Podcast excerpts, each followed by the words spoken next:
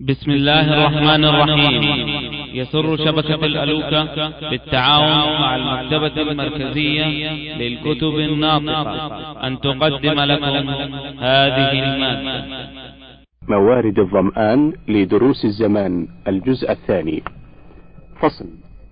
اعلم وفقنا الله وإياك وجميع المسلمين لما يحبه ويرضاه أن لتسهيل المصائب والشدائد البدنية والمالية أسبابا إن قارنت إذا قارنت حزما وصادفت عزما إن قارنت حزما وصادفت عزما هان وقعها وقل تأثيرها وضررها على الدين والقلب والبدن بإذن الله تعالى. فأولى الآيات والأحاديث المتقدمة فأولا الآيات والأحاديث المتقدمة التي فيها مدح الصابرين وبشارتهم ووعدهم بالجزاء الحسن ومن ذلك أن يعلم أن مرارة الدنيا هي بعينها حلاوة في الآخرة وأن حلاوة الدنيا هي بعينها مرارة في الآخرة ولأن ولأن ينتقل من مرارة ولا أن ينتقل من مرارة منقطعة إلى حلاوة دائمة خير من عكس ذلك. وقال صلى الله عليه وسلم حفت الجنة بالمكاره وحفت النار بالشهوات وكذلك قوله في الصحيح يؤتى يوم القيامة بأنعم أهل الدنيا من أهل النار فيصبغ في النار صبغة ثم يقال يا ابن آدم هل رأيت خيرا قط؟ هل مر بك نعيم قط؟ فيقول لا والله يا رب. ويؤتى بأشد الناس بؤسا في الدنيا من أهل الجنة فيصبغ في الجنة صبغة فيقال له يا ابن آدم هل رأيت بؤسا قط؟ هل مر بك شدة قط؟ فيقول لا والله يا رب الحديث. ومن ذلك استشعار ومن ذلك استشعار النفس بما تعلمه من نزول الفناء وتقضي المسار وأن لها آجالا منصرمة ومددا منقضية إذ ليس للدنيا حال تدوم لا لمخلوق عليها بقاء كما قال تعالى لا لمخلوق عليها بقاء كما قال تعالى كل نفس ذائقة الموت وقال إنك إنك ميت وإنهم ميتون. بنو الدهر من فجعاته في تمزق. فكلهم يغدو بشلو مقدد.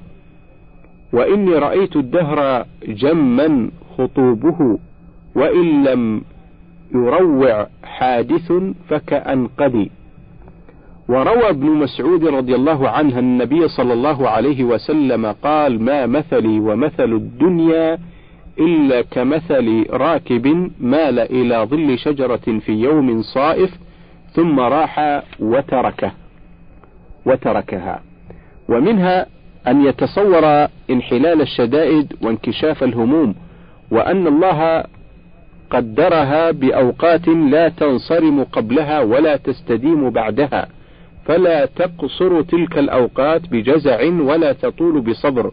وأن كل يوم يمر بها يذهب منها بشطر ويأخذ منها بنصيب حتى تنجلي وتنفرج ويزول ما كان من المكاره والخطوب. وقد قص الله علينا في كتابه قصصا تتضمن وقوع الفرج بعد الكرب والشدة بعد الكرب والشدة كما قص نجاة نوح ومن معه في الفلك من الكرب العظيم. مع إغراق سائر أهل الأرض وكما قص نجاة إبراهيم عليه السلام من النار حين ألقاه المشركون في النار وأنه جعلها عليه بردا وسلاما. وكما قص قصة إبراهيم عليه السلام مع ولده الذي أمر آه الذي أمر بذبحه ثم فداه الله بذبح عظيم. وكما قص قصة موسى عليه السلام مع أمه لما ألقته في اليم حتى التقطه آل فرعون وقصته مع فرعون لما نجى الله سبحانه موسى وأغرق عدوه فرعون وقومه. وكما قص قصة أيوب ويونس ويعقوب ويوسف عليهم السلام وقصة قوم يونس لما آمنوا. وكما قص قصص محمد عليه الصلاة والسلام ونصره على أعدائه بإنجائه منهم من عدة مواطن مثل قصته في الغار وقصة يوم بدر ويوم أحد ويوم حنين. وكما قص الله قصة عائشة رضي الله عنها وأرضاها في حديث الإفك وبرأها مما رميت به. وقصة الثلاثة الذين خلفوا حتى إذا ضاقت عليهم الأرض بما رحبت. وضاقت عليهم أنفسهم وظنوا أن لا ملجأ من الله إلا إليه ثم تاب عليهم ليتوبوا. وفي السنة من هذا المعنى شيء كثير مثل قصة الثلاثة الذين دخلوا الغار فانطبقت عليهم الصخرة فدعوا الله بأعمالهم الصالحة ففرج الله عنهم. ومثل قصة إبراهيم وسار مع الجبار الذي طلبها من إبراهيم ورد الله كيد الفاجر. وإذا اشتد الكرب وعظم الخطب كان الفرج قريبا في الغالب بإذن الله تعالى. قال تعالى حتى إذا استيأس الرسل وظنوا أنهم قد كذبوا جاءهم نصرنا. وقال تعالى حتى يقول الرسول والذين آمنوا والذين آمنوا معه متى نصر الله؟ ألا إن نصر الله قريب. وأخبر عن يعقوب أنه لم ييأس من لقاء يوسف وقال لإخ... لإخواته لإخوانه اذهبوا فتحسسوا من يوسف وأخيه ولا تيأسوا من روح الله وقال عسى الله أن يأتيني بهم جميعا. ومن لطائف اقتران الفرج باشتداد الكرب أن الكرب إذا اشتد وعظم وتناهى وجد الإياس من كشفه من جهة المخلوق ووقع التعلق بالخالق. كما قال الإمام أحمد واستدل عليه بقول إبراهيم عليه السلام لما عرض له جبريل عليه السلام في الهواء وقال ألك حاجة فقال أما إليك فلا وأما إلى الله فبلى والتوكل من أعظم من أعظم الأسباب التي تطلب بها الحوائج. فإن الله يكفي من توكل عليه كما قال تعالى ومن يتوكل على الله فهو حسبه. ومنها أن العبد إذا اشتد عليه الكرب فإنه يحتاج فإنه يحتاج حينئذ إلى مجاهدة الشيطان لأنه يأتيه فيقنطه فيقنطه ويسخطه ومنها أن المؤمن إذا استبطأ الفرج وأيس منه ولا سيما بعد كثرة دعائه وتضرعه ولم يظهر له أثر ولم يظهر له أثر الإجابة رجع على نفسه باللائمة ويقول لها ويقول لها إنما أوتيت من قبلك من قبل من قبلك ولو كان فيك خيرا ولو كان فيك خير لا أجبت. وهذا اللوم أحب إلى الله من كثير من الطاعات. انتهى. شعرا.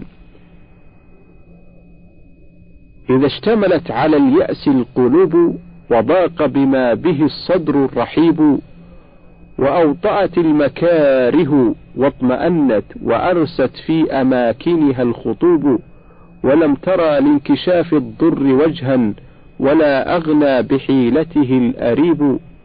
أتاك على قنوط منك غوث يمن به اللطيف المستجيب وكل الحادثات إذا تناهت فموصول بها فرج قريب.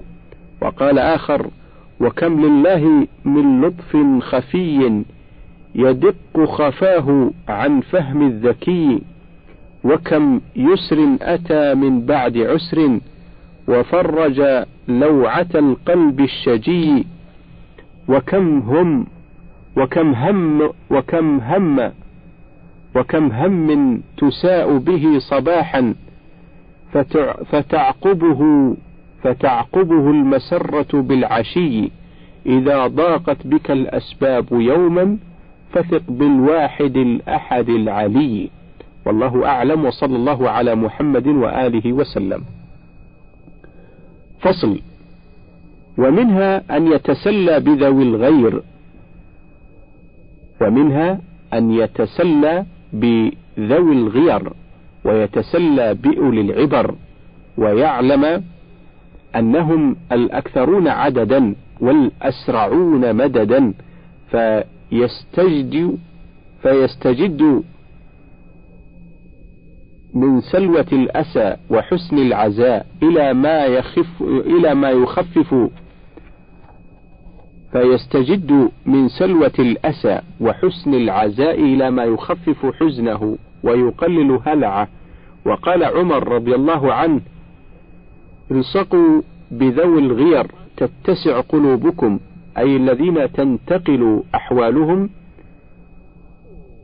إذ يتسلى مرقع الخف إذ يتسلى مرقع الخف بالذي مخرق خفه ويتسلى مخرق الخف بالحاسر الذي ليس عليه شيء ويتسلى الذي ليس عليه شيء بالأعرج والأعرج بالأقطع وهكذا كل يتسلى بمن هو أعظم منه في, في المصيبة. والدنيا إذا تأملها اللبيب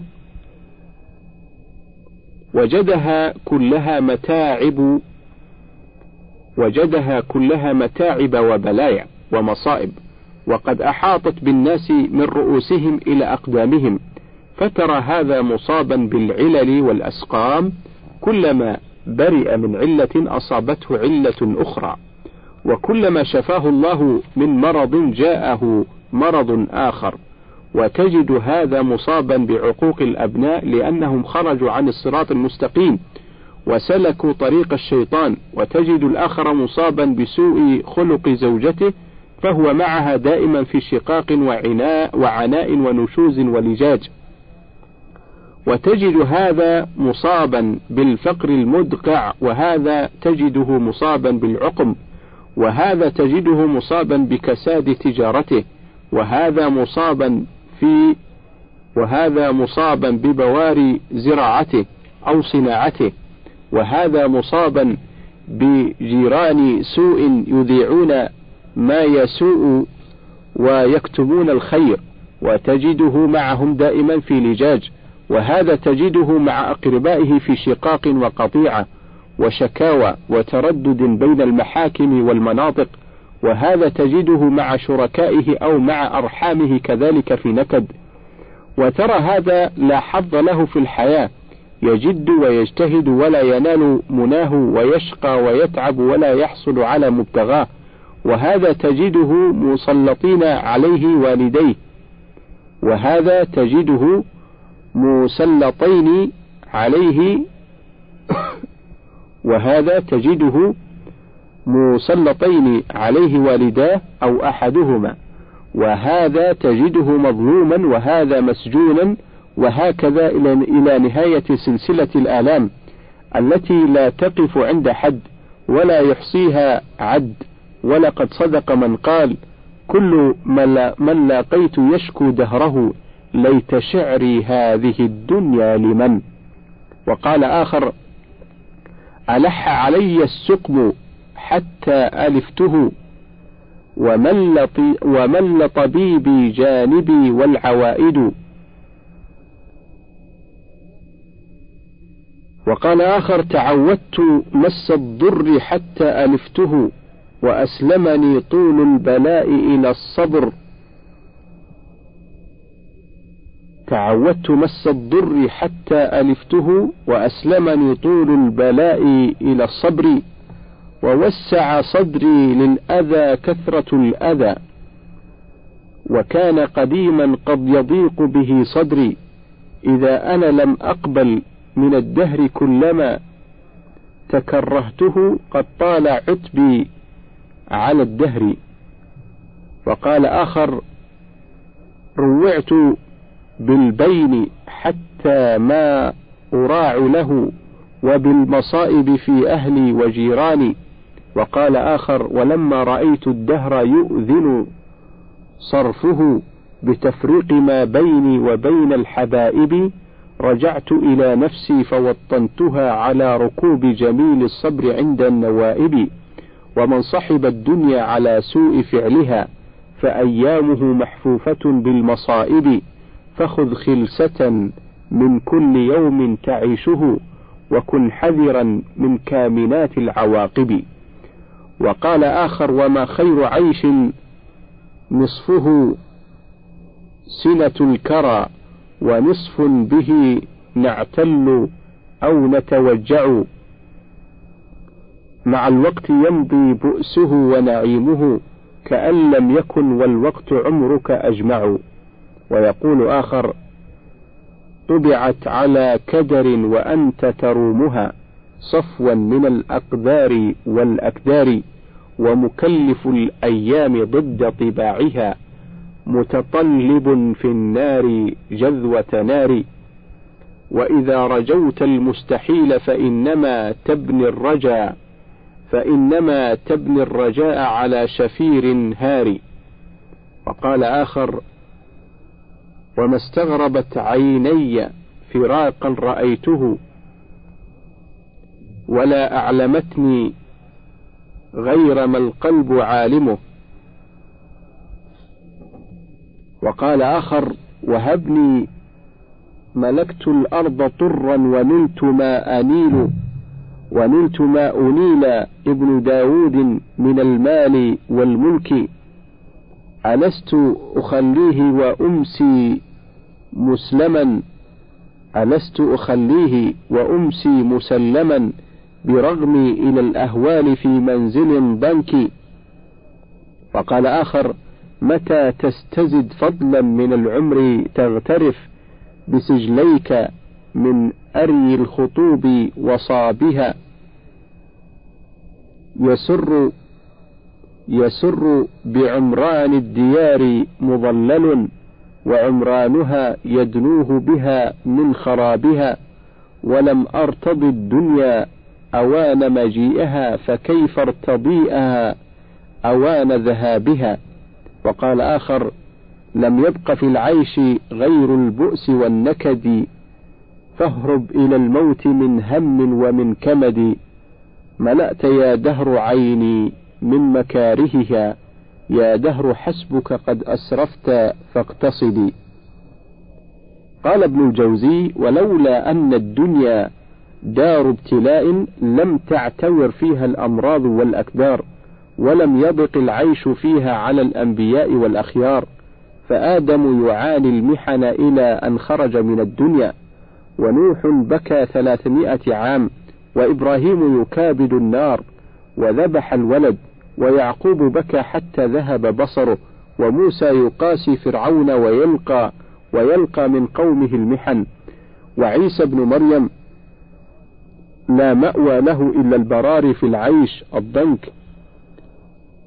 ومحمد صلى الله عليه وسلم يصابر الفقر وقتل عمه وقتل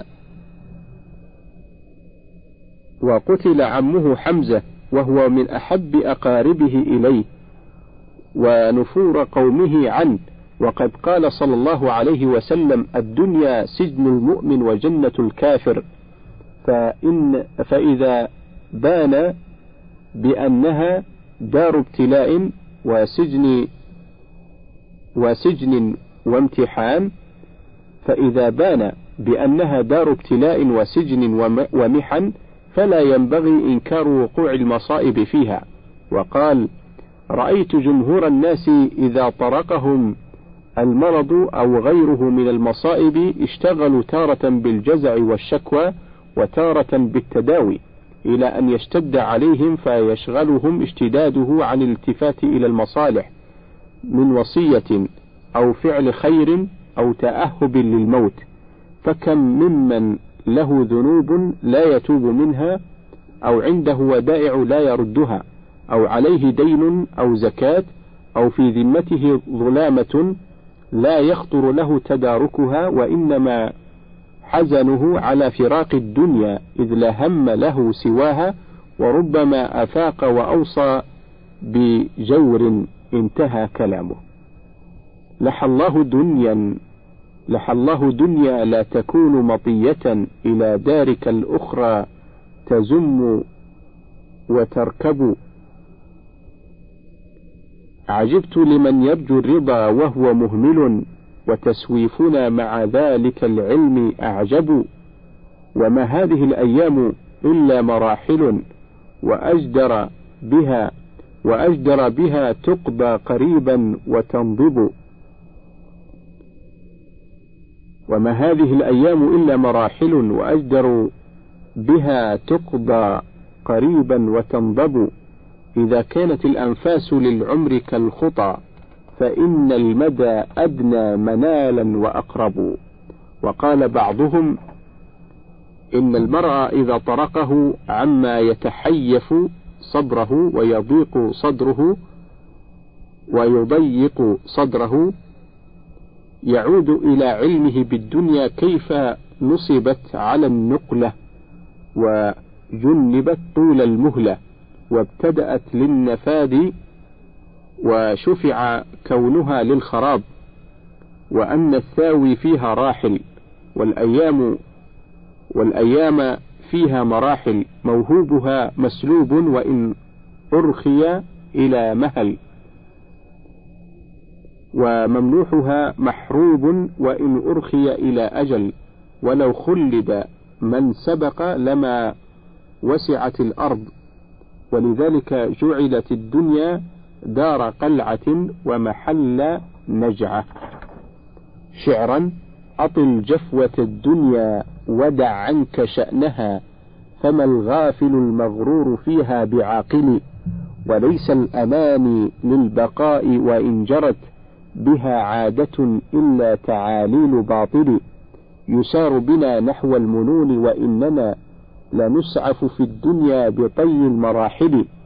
غفلنا عن الأيام أطول غفلة وما وما حو وما حوبها المجني منها بغافل. وقال آخر بروحي أناسا قبلنا قد تقدموا ونادوا بنا لو أننا نسمع الندى. وسارت بهم سير المطي وسارت بهم سير المطي نعوشهم. وبعض أنين القادمين لهم حدى وأمسوا على البيداء ينتظروننا إلى سفر يقضي بأن نتزودا. فريدون في أجداثهم بفعالهم وكم منهم من ساق جندا مجندا تساووا تساووا عديا تحت الثرى وأحبة تساووا عدا تحت الثرى وأحبة فلا فرق ما بين الأحبة والعدا. سل الدهر هل أعفى من الموت شائبا غداة أدار الكاس أم رد أم ردا.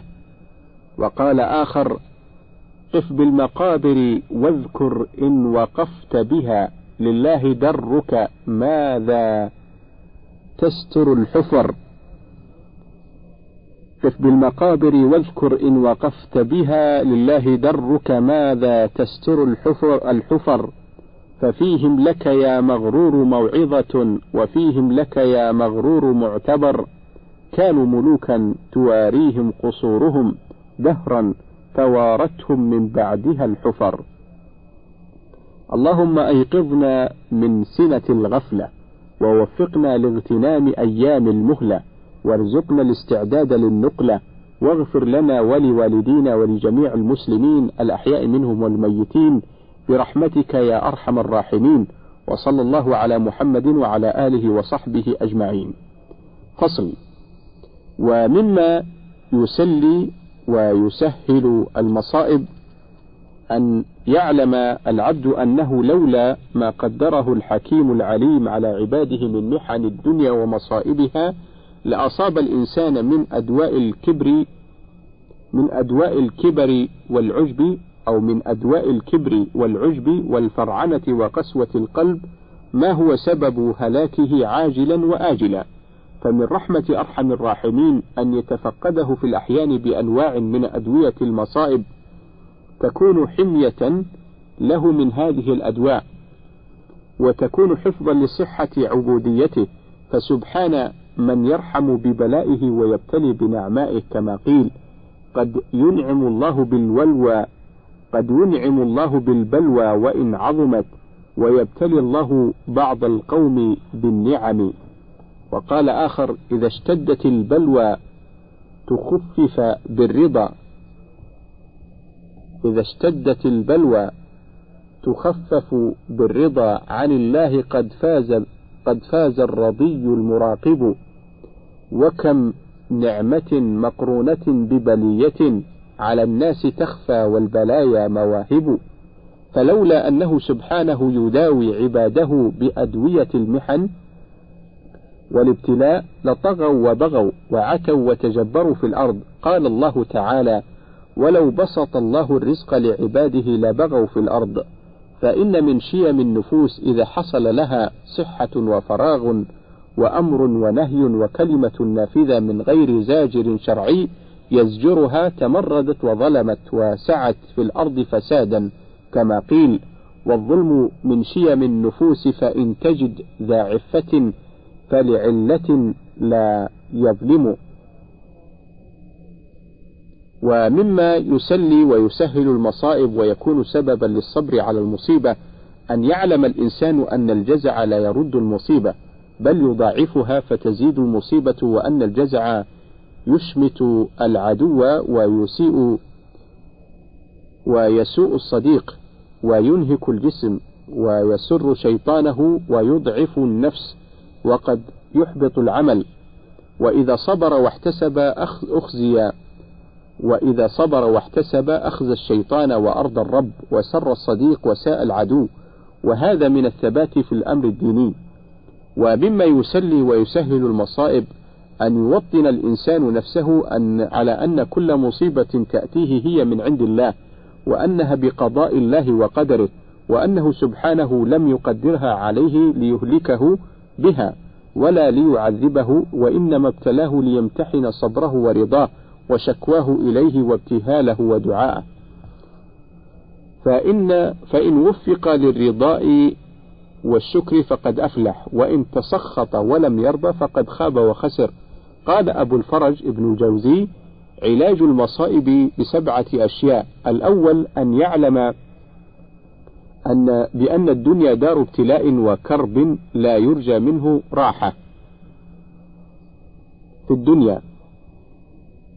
لا يرجى منه راحة في الدنيا مهما طال العمر ومهما اجتمع للإنسان فيها من أسباب الغنى والثروة وسواء في ذلك الصعاليك والمماليك والملوك فقد فلقد أودع الله في كل نفس ما شغلها.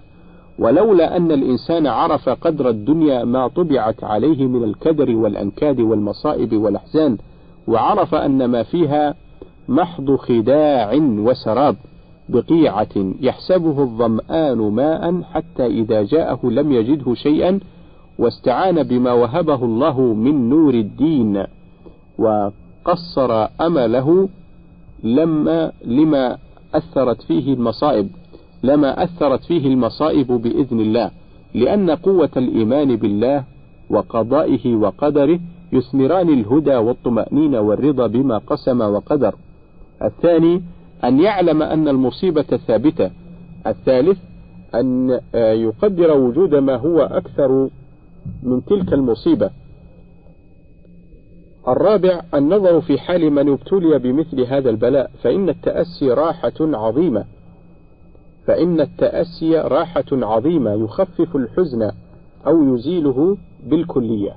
قالت الخنساء ولولا كثرة الباكين حولي على إخوانهم لقتلت نفسي وما يبكون مثل أخي ولكن أعزي النفس عنه بالتأسي. وقال آخر حاسب زمانك في حال تصرفه. حاسب زمانك في حال تصرفه. تجده أعطاك أضعاف الذي سلب. حاسب زمانك في حال تصرفه تجده أعطاك أضعاف الذي سلب. نفس التي تملك الأشياء ذاهبة فكيف أبكي على شيء إذا ذهب؟ وقال آخر لا تعتب الدهر في خطب رماك به. إذا استرد فقدما طالما وهب. ورأس مالك وهي الروح إن سلمت. لا, تأس لا تأسفن لشيء بعدها ذهبا. وقال آخر ولولا الأسى ما عشت في الناس ساعة ولكن متى نادته ولكن متى نادت جاوبني مثلي. ولكن متى ناديت جاوبني مثلي. الخامس مما يهون المصائب ويخففها ويبعث الإنسان على حمد الله وشكره وينفي هموم الدنيا وغمومها النظر والتفكر والاعتبار في من هم أعظم مصيبة منك وانظر حالتك بعد زيارتك للمقبرة ونظرك في من قبر ومن سيقبر وحالتك وحالتك بعدما تمر بالسجن. وترى المعذبين فيه بأنواع العذاب كما قال بعضهم واصفا للسجن ببغداد محل به تهفو القلوب من الأسى فإن زرته فاربط على القلب باليد. وانظر حالتك إذا دخلت المستشفيات ورأيت الباكين والذي يئن والذي تحت العملية لقطع عضو أو نحوه وسائر أنواع البلايا تجدك إن كنت ممن وفقه الله مكثرا لحمد الله وشكره حيث عافاك مما ترى وتسمع. وكم من إنسان أتى لعلاج بسيط فلما رأى ما في الإسعاف وما تحت ومن آه تحت العمليات ومن يئن ومن يجر ليغسل ومن يجر ليغسل وقد ومن قد مات ومن يعمل لكسوره ومن يعمل لكسوره الجبس خرج يحمد الله ورأى أنه ما فيه شيء يوجب العلاج. السادس رجاء الخلف إن كان ممن رجاء الخلف إن كان من مضى يصح عنه الخلف كالولد والزوجة. قيل للقمان ماتت زوجتك؟ قال تجدد فراشي وقال الشاعر هل وصل عزة إلا وصل غانية؟ في وصل غانية من وصلها خلف.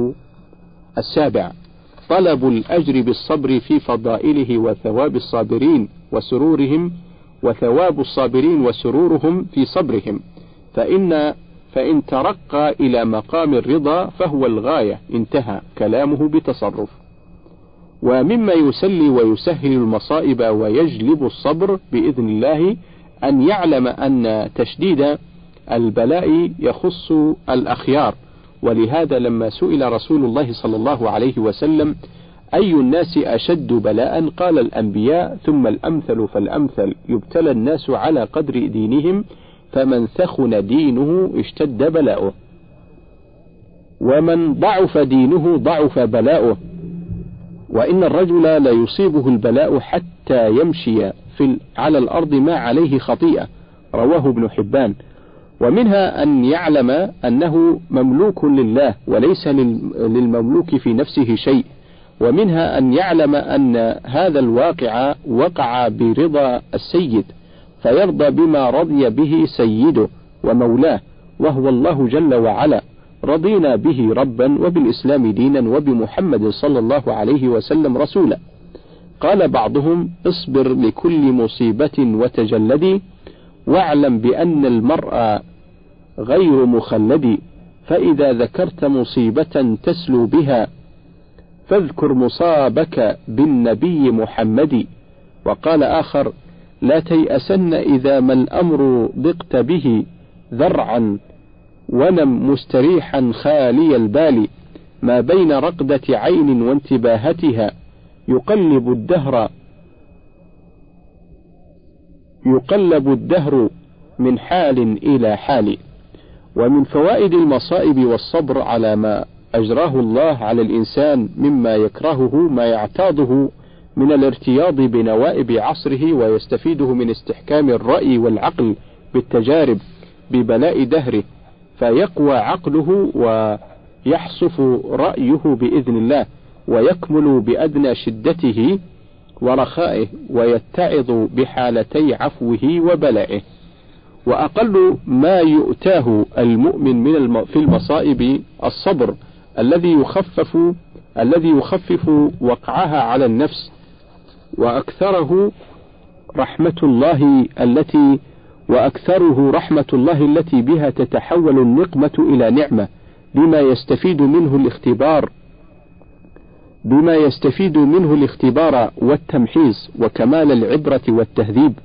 وقد يبتلى وقد يبتلي الله المؤمن ويمتحن ويمتحن صبره فتعطيه قوة إيمانه من الرجاء به ما تخالط حلاوته مرارة المصيبة حتى تغلبها وقد يأنس بالمصيبة لعظم رجائه وصبره و وإن كان نادرا فهو واقع حاصل. وهذا وإن كان نادرا فهو واقع حاصل. قال بعضهم تعودت مس الضر حتى ألفته ومل طبيبي جانبي والعوائد. وقال آخر ووسع صدري للأذى كثرة الأذى وكان قديما قد يضيق به صدري. ومنها أن يختبر أمور زمانه ويتنبه على إصلاح شأنه فلا يغتر برخاء ولا يطمع في استواء ولا يؤمل بقاء الدنيا على حاله. فإن من عرف الدنيا وخبر أحوالها هان عليه بؤسها ونعيمها. ولولا ما قدره الله من الحوادث والنوائب لم يعرف صبر الكرام ولا جزع اللئام. فإذا ظفر المصاب بأحد هذه الأسباب تخففت بإذن الله عنه أحزانه وتسهلت عليه أشجانه فصار سريع النسيان للمصائب قليل الجزع حسن الصبر والتجمل عند المصائب. شعرا سلام على دار الغرور فإنها منغصة لذاتها بالفجائع. فإنها سلام على دار الغرور فإنها منغصة لذاتها بالفجائع. فإن جمعت بين المحبين ساعة فعم قليل أردفت بالموانع. وقال آخر رأيت بني الدنيا كوفدين كلما ترحل وفد حط في إثره وفد. وكل يحث السير عنها ونحوها فيمضي بذا نعش ويأتي بذا مهد. ويقول آخر وكل أب وابن وإن متعا معا مقيمين مفقود لوقت وفاقد. ويقول آخر فلا تجزعن للبين كل جماعة فلا تجزعن للبين كل جماعة وربك مكتوب عليها التفرق وخذ بالتعزي كلما أنت لابس جديدا على الأيام يبلى ويخلق. وخذ بالتعزي كلما أنت لابس جديدا على الأيام يبلى ويخلق. فصبر الفتى عما تولى ففاته من الأمر أولى بالسداد وأوفق. وإنك بالأشفاق وإنك بالإشفاق لا تدفع الردى ولا الخير مجلوب فما لك تشفق. كأن لم يرعك كأن لم يرعك الدهر وأنت آمن لأحداثه فيما يغادي ويطرق. إخواني أين الأمم الماضية؟ أين القرون الخالية؟ أين من نصبت على مفارقهم التيجان؟ أين الذين قهروا الأبطال والشجعان؟ أين الذين دانت لهم المشارق والمغارب؟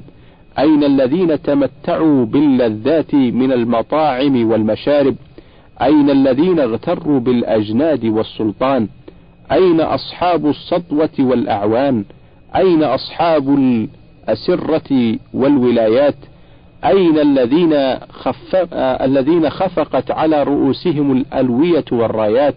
أين الذين قادوا العساكر؟ أين الذين عمروا القصور الشامخات والفلل الفسيحات؟ أين الذين غرسوا النخيل والأشجار المثمرات؟ أين الذين ملأوا ما بين الخافقين فخرا وعزا؟ أين الذين فرشوا القصور خزا وقزا؟ أفناهم والله مفني الأمم وأبادهم مبيد الرمم. وأبادهم مبيد الرمم. وأخرجهم من سعة المساكن والقصور وأسكنهم في ضيق اللحود والقبور تحت الجنادل والصخور. قد خلت من كثرتهم أماكنهم ولم ينفعهم ما جمعوا من الحطام ولا أغنى عنهم ما كسبوا من حلال أو حرام. أسلمهم الأحبة والأولياء وهجرهم الإخوان والأصفياء ونسيهم الأقرباء والبعداء. شعرا من ذا الذي قد نال راحة فكره في عسره من عمره أو يسره يلقى الغني لحفظه ما قد حوى أضعاف ما يلقى الفقير لفقره فيظل هذا ساخطا في قله ويظل هذا تاعبا في كثره. عم البلاء لكل شمل فرقة. يرمى بها في يومه أو شهره والجن مثل الإنس يجري فيهم حكم القضاء بحلوه وبمره. فإذا المريد فإذا المريد أتى ليخطف خطفة جاء الشهاب بحرقه وبزجره. ونبي ونبي صدق لا يزال مكذبا يرمى بباطل قولهم وبسحره. ومحقق في دينه لم يخل من ضد يواجهه بتهمة كفره والعالم المفتي يظل منازعا بالمشكلات لدى مجالس ذكره. والويل إن زل اللسان فلا يرى أحدا يساعد في إقامة عذره وأخو الديانة دهره متنغص يبغى, التخ... يبغي التخلص من مخاوف قبره. أو ما ترى الملك العزيز بجنده رهن الهموم على جلالة قدره فيسره خبر وفي أعقابه هم تضيق به جوانب قصره. وأخو التجارة حائر متفكر مما يلاقي من خسارة سعره وأبو العيال أبو الهموم وحسرة, الرج... وحسرة الرجل العقيم كمينة في صدره وترى القرين مضمرا لقرينه حسدا وحقدا في غناه وفقره ولرب, ولرب طالب ولرب طالب راحة في نومه جاءته أحلام فهام بأمره والطفل من بطن أمه يخرج إلى غصص الفطام تروعه في صغره في صغره ولقد حسدت الطير في أوكارها فوجدت منها ما يصاد بوكره والوحش يأتيه الردى في بره والحوت يأتي حتفه في بحره. ولربما تأتي السباع لميت فاستخرجته من قراره فاستخرجته من قرارة قبره. كيف التذاذ كيف التذاذ أخي الحياة بعيشة؟ كيف التذاذ أخي الحياة بعيشه؟ ما زال وهو مروع في أمره. تالله لو عاش الفتى في أهله ألفا من الأعوام مالك أمره متلذذا معهم بكل لذيذة متنعما بالعيش مدة عمره لا يعتريه النقص في أحواله. كلا ولا تجري الهموم بفكره ما كان ذلك كله مما يفي بنزول أول ليلة في قبره. كيف التخلص يا أخي مما ترى صبرا على حلو القضاء ومره؟ وصلى الله على محمد وعلى آله وصحبه أجمعين. من فضلك تابع بقية المادة.